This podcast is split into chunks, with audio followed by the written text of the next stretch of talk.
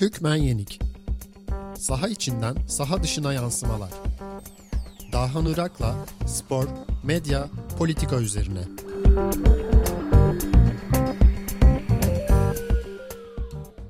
Hükmen Yeni'ye hoş geldiniz. Ben Dahan Irak. İçinde yaşadığımız pandemi süreci başta kimilerince iddia edildiğinin aksine toplumsal dezavantajları eşitleyici bir durum yaratmadı. Aksine süreç içerisinde sınıfsal ayrımlar daha da derinleşti. Örneğin evinde kalabilenle dışarıda çalışmak zorunda olanın arasındaki fark ölüm kalım meselesi haline geldi. Evde kalabilmek dahi herkes için aynı işlemiyor. Ev içi şiddetin arttığı, ev içi yükümlülüklerin dengesiz dağıtıldığı koşullarda yük yine bazılarının omzuna daha ağır biniyor. İster evde ister dışarıda olalım toplumsal adaletsizlik hem sınıfsal karakteriyle hem de dezavantajlı ve kırılgan kesimler üzerinden şiddetini tüm gücüyle göstermeye devam ediyor. Tüm bunlar yaşanırken Türkiye'de farklı kimliklerin yaşama hakkını göreceli olarak da olsa güvenceye alan anayasal haklara ve uluslararası sözleşmelere büyük bir saldırı yaşanıyor. Kadınların ve LGBT artı bireylerin hakları ve özgürlükleri dayatılan toplum mühendisliğinin birinci hedefi olmayı sürdürüyor. Toplumsal cinsiyet diğer bütün alanlar gibi spor içinde de en önemli faktörlerden bir tanesi. Toplumun kimliğimizi pozisyonlandırdığı yer spor alanındaki yerimizi de belirleme yönünde çok etkili. Bu pozisyonlandırmanın hiç kuşkusuz sınıfsal bir tarafı da var. Bütün bunları bugün çok değerli bir arkadaşım ve meslektaşımla konuşacağız. İstanbul Bilgi Üniversitesi Spor Yönetimi bölümünden Doktor İlknur Hacı Softoğlu bugün Hükmen Yenik'te konu. Merhaba İlknur, Hükmen Yenik'e hoş geldin. Merhaba Dağhan. Toplumsal cinsiyetten bahsedelim istiyorum biraz bugün. Ee, sen de biliyorsun geçtiğimiz hafta Diyanet İşleri Başkanı'nın açıklamalarıyla epeyce gündeme geldi. Ama bir süredir zaten konuşuluyor. Özellikle İstanbul Sözleşmesi üzerinden dönen bir tartışma var. Gerek hükümete yakın gerekse diğer muhafazakar çevrelerde İstanbul Sözleşmesi'ne dair itirazlar e, giderek daha fazla duyulur hale gelmiş vaziyette. Neden bu kadar eleştiriliyor? İstanbul Sözleşmesi'nden neden bu kadar rahatsız hükümete yakın ve diğer muhafazakarlar? Yani Şöyle aslında bu son 5-6 yıldır bugüne kadar kadın hareketinin elde etmiş olduğu pek çok kazanımla ilgili bir tartışma sürdürülüyor. Yani e, Türkiye'deki belki de en güçlü hareketlerden biri e, kadın hareketi ve gerçekten uzun süredir 80'lerden bu yana varlığını düzenli olarak korumuş. Ee, hem sivil toplum ayağında hem işte aktivizm ayağında, akademi ayağında güçlü bir yere sahip olmuş bir hareket hükümetin e, politikaları içinde de zaman zaman e, işbirliği de yaptığı en azından ilk yıllarda diyebilirim e, ve aktif olarak da taleplerini güçlü bir sesle dile getirmiş bir kadın hareketinden bahsediyoruz. İstanbul Sözleşmesi de aslında yani bunun İstanbul'a e, sözleşmenin İstanbul'da yapılmış olması da böyle bir anlama sahip. Bu bütün bu e, hareketin de e, bir gücünü gösteren simgelerden biri aslında. Türkiye'de o İstanbul Sözleşmesi'nin taraflarından biri. E, ama fakat yani biz son 5-6 yıldır hem LGBT harekete karşı hem de feminist harekete karşı aslında bu söylemlerin yoğunlaştığını görüyoruz. Son dönemde daha çok işte homofobi, homofobik söylemin öne çıktı ve bunun üzerinden İstanbul Sözleşmesi'ne saldırılan ya da eleştirilen, kimi, kimi zaman saldırı boyutuna geçen, kimi zaman eleştirilen, kimi zaman işte yok sayılmaya çalışılan e, bir dışım söz konusu. Bu, da tabii e, yani geldiğimiz nokta anlamında kaygı verici. Toplumsal cinsiyet gündeme gelemiyor bu arada. Çünkü toplumsal cinsiyet kelimesinin kullanılmasına karşı da bir tavır var diyebiliriz. E, bu, işte... toplumsal cinsiyetin de cinsiyetlerin işte fıtrattan gelmediği, doğuştan olmadığı fikri de e, bir e, eleştiriye ve bir yok etmeye dönük yani o kavramın asla kullanılmamasına dönük bir tavra dönüştü. Bunu yaşıyoruz. Bu da bu, bu böyle bir e, tavır. Ama bu tabii hükümetin kendi içinde de çatlaklar var bence. Yani orada da çünkü kadınlar ve güçlü kadınlar var. E, bunun içinde karşı çıkanlar da olduğunu biliyorum. E, bütün bu İstanbul Sözleşmesi'nde elde edilen kazanımların yitirilmesine. Göreceğiz. Şimdi korona girdi araya. Bu, bambaşka şeyleri konuşuyoruz. Bakalım nasıl devam edecek sonrasında. Tabii LGBT harekete karşı Diyanet İşleri Başkanlığı'nın açıklaması korona günlerinde de cinsiyetçiliğin, ataerkilliğin devam ettiğinin önemli bir göstergesi. Aslında korona günlerinde toplumsal cinsiyeti daha fazla konuşmak gerekiyor. Çünkü o eve sığan hayat dediğimiz hayat hem toplumsal cinsiyetli bir hayat hem de daha kırılgan kesimlerin aleyhine işleyen bir hayat. Biraz ondan bahsedelim ama öncesinde istersen toplumsal cinsiyetten kavramdan bahsedelim. Neden cinsiyet toplumsal bir şey? Yani tabii kavramın tartışmasına çok girmeyeceğim. İşte cinsiyet e, olarak kullanmak isteyenler ve bunu temellendirenler ve toplumsal cinsiyet olarak kullananlar da var. Ben her zaman akademinin e, politikayla iç içe olması gerektiğini savunan biriyim. Yani gündelik hayatın içinden, gündelik politikanın içinden çok kopmaması gerektiğini ve bütün e, bilgisini üretirken ve kavramları kullanırken de orayla e, bilgi alışverişi, etkileşim içinde bunun devam etmesi gerektiğini düşünen biriyim. E, bu anlamda toplumsal cinsiyet çok kullanışlı bir kavram. Çünkü doğrudan kendisi kavramı vurguluyor. Anlatmaya çalıştığımız şeyi anlatıyor. Onun altını çizmiş oluyor. Yani toplumsal diyoruz çünkü aslında biz doğduğumuz andan itibaren belli işte e, bir ikili olduğu iddia edilen ama aslında daha da çoklu cinsiyetlerle doğuyoruz ve e, o cinsiyetlerde kadın ve erkek kategorileri var ve onlar bize atanıyor aslında. Yani kadının nasıl olacağı, ne giymesi gerektiği, kız çocuğunun ne giymesi gerektiği, oğlanın ne giymesi gerektiği, işte neyle oynaması gerektiği, nasıl davranması gerektiği bedenimize yazılıyor. Benim de çalışma alanım zaten itibarıyla da çok ilgilendiğim bir e, konu da bu. Yani bütün o bedenimizin hareketi, yapabilirlik kapasitesi, yapabilirliğine dair yaklaşım, e, onun yapabilirliğine ilişkin düşünceler hepsi cinsiyetli ve e, dolayısıyla da toplumsalla cinsiyetlenen, toplumsallaşma içinde cinsiyetlenen bedenler içindeyiz aslında. Bedenlerle yaşıyoruz. O açıdan önemli bir kavram diye düşünüyorum toplumsal cinsiyet. Kullanmanın da bizi çok güçlendirdiğini düşünüyorum. Kullanmaya devam etmek gerektiğini düşünüyorum. Bütün bu karşı çıkışlara rağmen toplumsal cinsiyet eşitliği kavramı da bu anlamda bence önemli bir kavram ve kullanmaya politik olarak da e, kadın e, alanında yer alan insanlar için de önemli kullanılması önemli bir kavram. Böyle e, tabii bu toplumsal cinsiyet dediğimiz şeyin tartışmaya başladığımız yıllardan bu yana yani kavramı işte İngiltere şeyde e, yurt dışında İngilizce'de konuşursak işte sex and gender seks ve gender diye kullandığımız bu iki kavram anlatmaya çalıştığı e, şeylerden biri de işte ataerkilliği anlatmaya çalışıyor. Yani bütün bu kadınlık ve erkeklik halleri neden toplumsal, neden top, hangi toplumda ne biçimde şekilleniyor ve neden aslında değişebilir? Çünkü sürekli bir değişim içinde zaten tarihsel, toplumsal, kültür olarak bir değişim içinde. Bu değişim sırasında da işte toplumsal cinsiyetin değişimi sırasında da bunun politikasını üretmiş oluyorsun bu yolla bu politikada bir, bir, bir takım kavramlar var kullandığımız. Bunlardan e, bir önemlilerinden biri de işte özel alan, özelleşmiş e, ya da işte ev içi alan dediğimiz alan ve e, kamusal alan.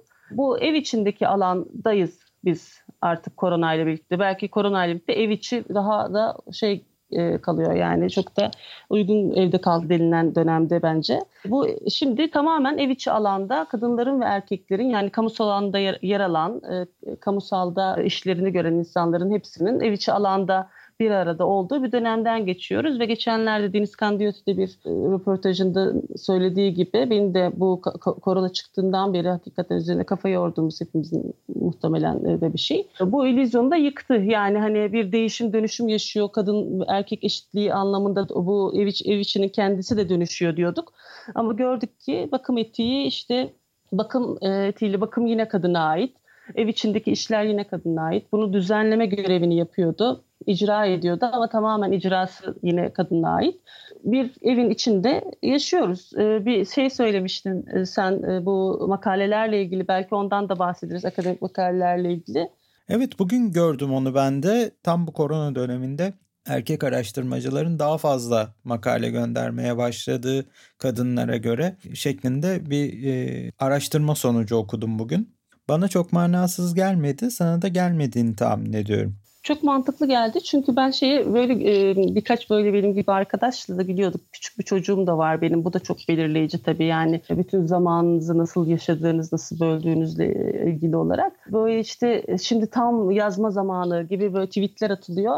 Ben gülüyorum çünkü yani şimdi tam yazma zamanınız dediğiniz zamanda benim sabah kalkıp kahvaltı hazırlamam, orayı toplamam. Hani çocuğuna yalnız bakan biri olarak da işte evin e, bakımıyla ilgilenmem ondan sonra işte o döngünün içinde pek çok şey yapmam gerekiyor. Bu arada çocuk okula başladı. Onun online eğitimi var. O online eğitimi takip etmem gerekiyor. Ee, işte akşam da o seninle de şu anda 10 gibi görüşüyoruz. Çünkü ancak 10 gibi insanlarla yani kesintisiz görüşebiliyorum.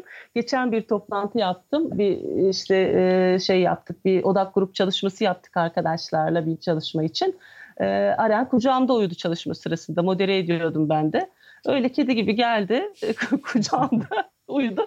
Ben böyle moderasyon yaptım e, o kucağımdayken. Böyle geçiyor. Dolayısıyla hani öyle kafa yorup düşünüp yazıp inanılmaz üretebileceğim bir ortamda yaşamıyorum. Biraz onunla da ilgili. Hani e, sana da daha önce söylediğim şeyde yani kadınlar için e, evin içinde kalmak, onun sadece kend, yani bakım kadında olduğu için biraz önce söylediğim gibi ve onun sorumluluğu da kadında olduğu için ya, yaşlıların bakımı pek çok ailede hani kadında, e, hasta biri varsa o kadında ve bütün bunlara bakarken kendine ait bir zamanı yok zaten. Kendine ait bir alanı da yok. Kendine ait bir alan ve zamanı yarat talep etmesi de çok makbul değil.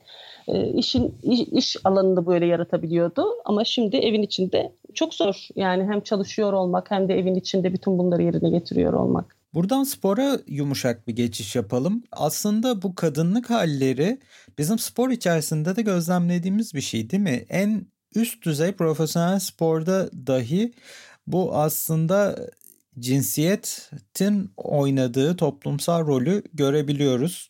Tabii yani e, bir defa önce şu, şu aklıma geldi sen onu söylerken kadının kariyeri en kolay vazgeçilebilendir. Yani erkek ve kadın birlikte spor kariyeri yapıyorsa ve birinin vazgeçmesi gerekiyorsa, işte çocuk olmuşsa ya da evlilik yapılmışsa birinin vazgeçmesi e, gerekiyorsa, işte şehir dışına gidilecekse genelde bu da e, kariyerini bırakan kişi kadındır. Onun daha işte e, kariyeri değersizdir. Ya da işte evlenme ve çocuk yapma durumunda yine bütün bunları dengelemek, ev içi emek kadına ait olduğu için çok zordur kadın e, işte sosyokültürel olarak e, daha muhafazakar bir yerden geliyorsa, bir aileden geliyorsa onun artık spor yapması hoş görülmeyebilir. Bütün bunlarla mücadele etmesi gerekebilir. Ya da işte Serena örneğinde e, yaşadığımız gibi yani bu da çok dillendirildi Serena Williams örneğinde biliyorsun. İşte anneyken davranışları daha çok eleştiriliyor olabilir ya da anneliği üzerinden eleştiriliyor olabilir. Bütün bunların yani bütün bunları yaşıyor zaten. Yani burada yaşadığı o değersizleşme, zamanın değersiz görülmesi ya da kariyerin değer, daha değersiz olması durumunu spor alanında da yaşıyor kadın tabii ki. Serena'dan bahsettik.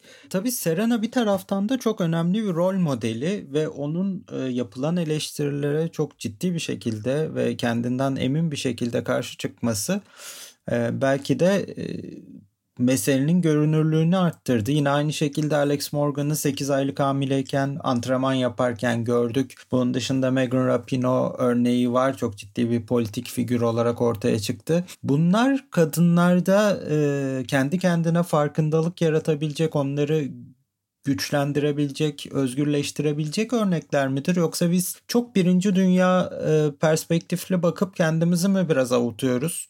Amerika'da birinci dünyanın göbeğinde bile görmüşsündür. Michigan'da sokağa çıkma yasaklarını protesto eden aşırı sağcı milis e, tiplerin yaptıklarını yani birinci dünyada bile bir sürü ülkenin e, yarısı oldukça gerici kitlelerden oluşuyor. Fazla mı iyimser davranıyoruz yoksa hakikaten bir etki var mı? Bu zor bir soru. Ben çünkü kendini kandırmayı seven biriyim. Yani kendini kandırmanın sıkın, sakıncası olmadığını düşünen biriyim bir yandan. Yani e, şöyle söyleyeyim aslında. Yani karamsarlıkla iyimserliğin her zaman dengelenmesi gerektiğini düşünüyorum. Yani oradaki direnişin görülmemesi. Bir gün e, bir öğrencim bir derste şey sordu. Dedi ki hocam dedi yani şimdi dedi kadınlara da yani yakışmıyor diye düşünebilirler değil mi bu kadar işte teknik direktör olmaktan bahsediyoruz. İşte teknik direktör olmak. Yani hani o kadar sert olamadığı için dedi. Ben durdum ve şey dedim yani 100 yıl önce de duygusal olduğumuz için oy kullanmamızın çok uygun olmadığını düşünüyorlardı. Şimdi bunu düşünüyorlar, bunu da düşünmeyecekler. Yani çünkü şunu hatırlatıyorum ben çok kendime gerçekten. Yani kadın hareketi çok şeyi başardı ve keza işte LGBT hareket de öyle çok şey başardı ve çok uzun bir yol kat etti. Evet bu çok yani gerili ileri adımların geri adımların olduğu kimi zaman e, etrafımızda dans ettiğimiz bir yol. Ama o yolun kendisi devam ediyor diye düşünüyorum. Yolun kendisi var artık ve o yolun kendisinin varlığını kimse inkar edemez. Yani artık o inkar edilebilecek bir yerde değil. O açıdan önemli olduğunu düşünüyorum. Hem Serena'nın varlığının hem Rapino'nun varlığının önemli olduğunu düşünüyorum. Onun e, ikon varlığının mesela işte şeyden e, Dünya Kupası'ndan sonra kız çocuklarını görmüşsündür işte o duruşuyla e, fotoğraflarını önemli olduğunu düşünüyorum. Ama bir taraftan senin dediğinde doğru. Biz bunları görürken bunların hiçbirinden haberi olmayan, işte milis e, kıyafetleriyle çıkan, e, sağ, sağcılaşan da bir dünya var. İşte Brezilya'da öyle, Amerika Birleşik Devletleri, İngiltere'nin durumu ortada. Ama bu bu bu taraf hep var ama bir taraftan direnişin kendisi de yani o değiş, değişim talebinin kendisi de, karşı çıkışın kendisi de hep var diye düşünüyorum. O anlamda umutlanmaya da devam edebiliriz bence. Yani Serena gibi bir sporcunun olması bizi umutlandırabilir İşte Megan gibi bir e, sporcunun varlığı ya da Türkiye'de yine kadın çok güçlü kadın sporcular var. Ee, mesela Tutya'nın çıkışı çok hoşuma gitmişti Twitter'da Tutya Yılmaz'ın. O, sizin işte kas, dediği, kas kütlesi, kütlesi dediğiniz şey benim 13 yıllık emeğim tweet'i çok hoşuma gitmişti. Hani bu cümleyi kurabilmesi Tutya'nın onun o, o işte o gücü gö- gösterebilmesi çok değerli diye düşünüyorum.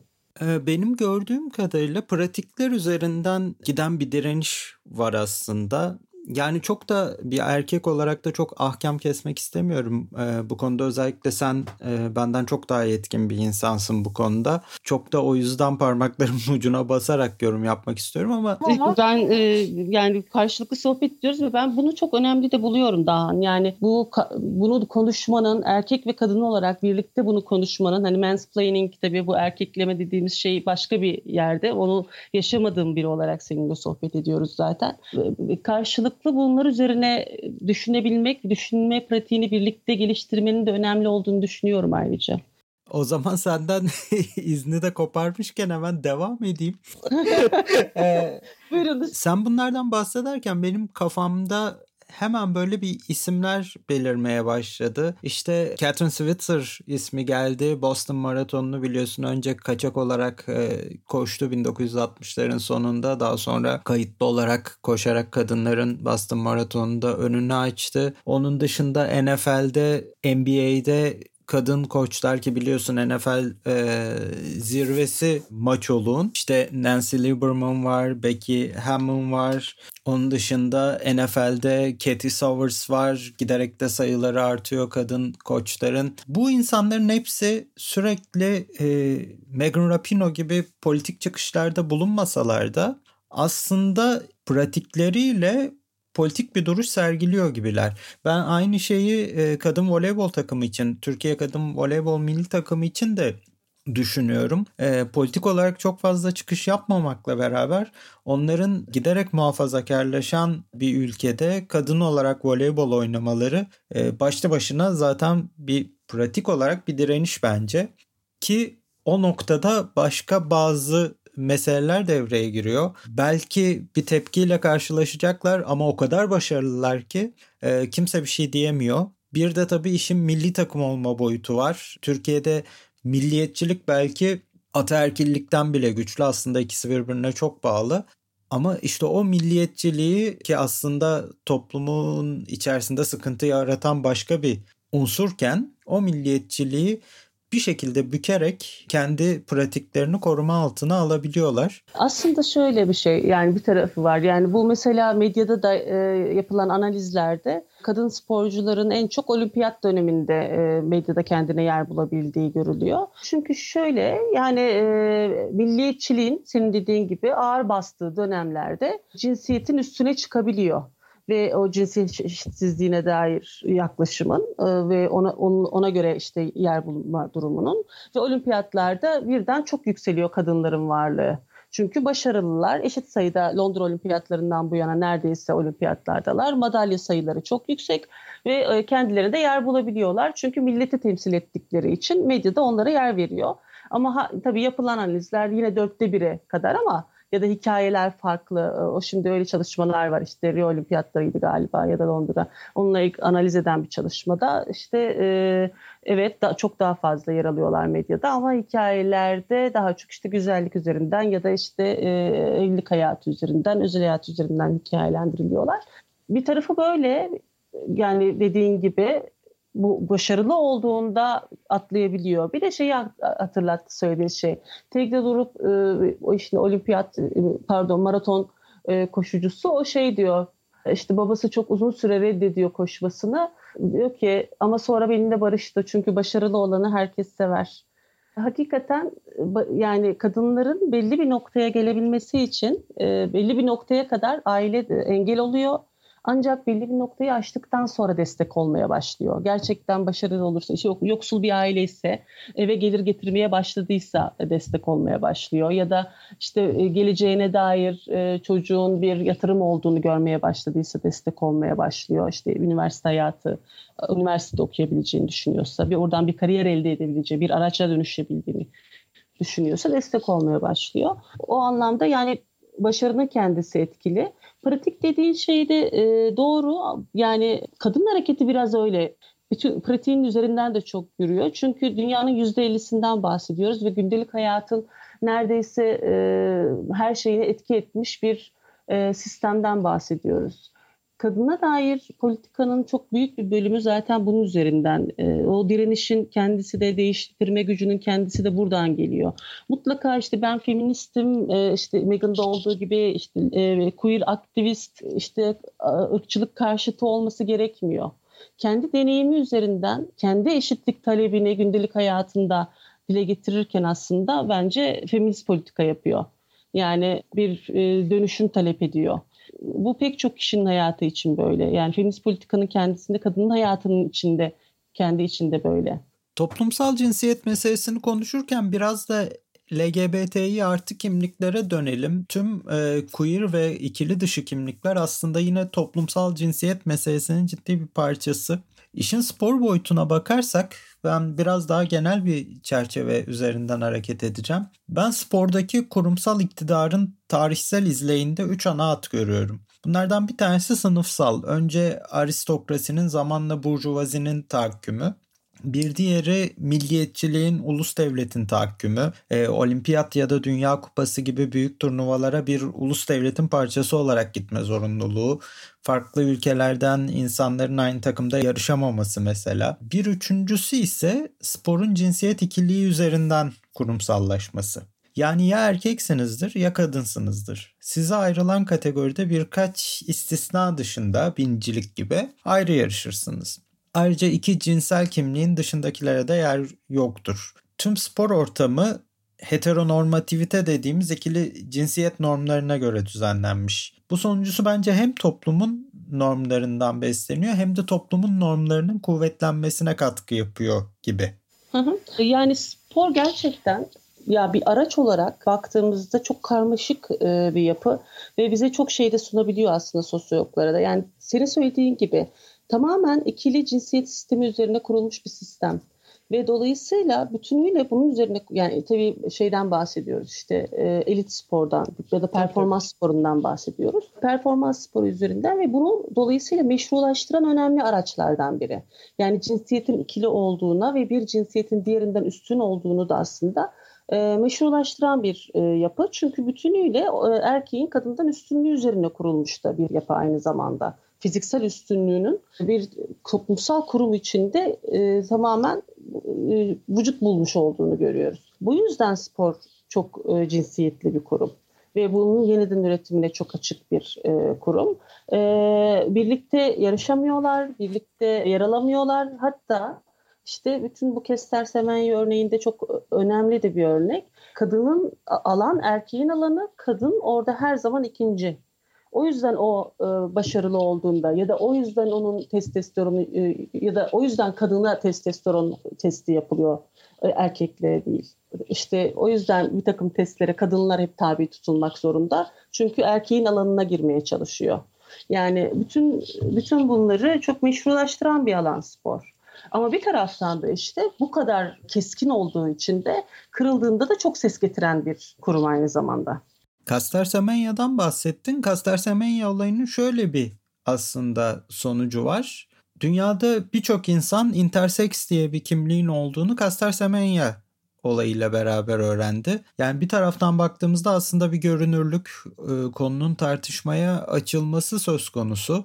Tabii o tartışma henüz bir yere varmış değil ama en azından o tartışma aktive edilmiş vaziyette. Ama tabii çok yakın zamanda sonuç alınabilecekmiş gibi çok büyük değişimler yaşanabilecekmiş gibi de e, durmuyor. Karşımızda beton gibi bir yapı var. Büyük bir endüstri bir yandan çünkü ama işte koronadan sonra bakalım nasıl bir hal alacak. Yani çünkü yani bütünüyle bedenlerin temasına dayalı bir toplumsal alandan bahsediyoruz. O durmuş durumda. Çok büyük bir endüstri. Ligler durmuş durumda. Bakalım e, başka ne, ne konuşacağız ondan sonra bilmiyoruz. İtalya Futbol Federasyonu Başkanı'nın açıklamasını okudum bugün. E, liglerin mutlaka başlaması lazım. Başlamazsa e, bu sezon bitirilemezse bu futbolun ölümü olur diyor. Biliyorsun 28 bin kişi öldü İtalya'da ve salgının patlama noktası olarak e, bir futbol maçı gösteriliyor. Ben bu futbolun ölümü ya da sporun ölümü diye spor kapitalizminin tanımladığı şeyin çok da kötü bir şey olduğunu düşünmüyorum açıkçası. Yani bu sistem bu şekilde devam edeceğine yıkılması daha iyi olabilir. Çünkü sistemi rehabilite etmenin pek mümkün olmadığını gördük şimdiye kadar. Belki de bu sistemin çökmesi ve yeni baştan kurulması lazım. Çok muazzam bir büyüme yani çok muazzam yani çok abartılı, çok gereksiz bir büyüme tabii futbol endüstrisinin büyümesi bence de. Ve erkek futbolundan bahsediyoruz evet. özellikle. Ve bu büyümenin içinde de yani hani sömürünün de çok yoğun olduğu, işte mesela biz Afrikalı futbolcularla ilgili yaptığımız çalışmada 18 yaşından küçük e, sporcuların e, Avrupa'ya, diğer çevre ülkelere getirilip bir takım menajerler tarafından nasıl sömürüldüğünü çok açık gördük işte ön çalışmada. E, bu konuda yazılmış başka şeyler de var elbette. E, bir taraftan bu, bu tür sömürülere çok açık. Endüstri çok büyüdüğü için. E, bir taraftan işte o hayali sattığı için herke, o yani ekonominin içinde çok büyük bir yer kaplıyor. Ve hakikaten o erkek futbolu özellikle bütün bu cinsiyetçiliği, homofobiyi, mizojiniyi, şiddeti de çok üretiyor. Yani futbolu seviyorum ama başka bir biçimde dediğin gibi tekrar kurulması gerekiyor bence de ya da daha mütevazı bir biçimde diyeyim belki. Ee, gerçekten hani o futbolu duyulan aşkın da güçsüz bir aşk olduğunu düşünmüyorum. Gerçekten e, bir sevgi duyuyor insanlar ve ona da saygı duyuyorum. Ama o işte o sevginin bunun bir oyun olduğu bu, bu oyuna duyulan sevginin o onun çerçevesini çizmesi, çizdiği bir e, futbol dünyası umuyorum yaratılır. Herhalde bu yeniden yaratım sürecinde spor sosyologlarının da söyleyecek çok sözü olacaktır. Tabii eğer dinlerlerse. Bugün Hükmen Yenik'te konuğum sevgili arkadaşım, meslektaşım Doktor İknur Hacı Softaoğlu'ydu. Hükmen Yenik'te haftaya başka bir konuyla tekrar karşınızda olacağız. Hoşçakalın.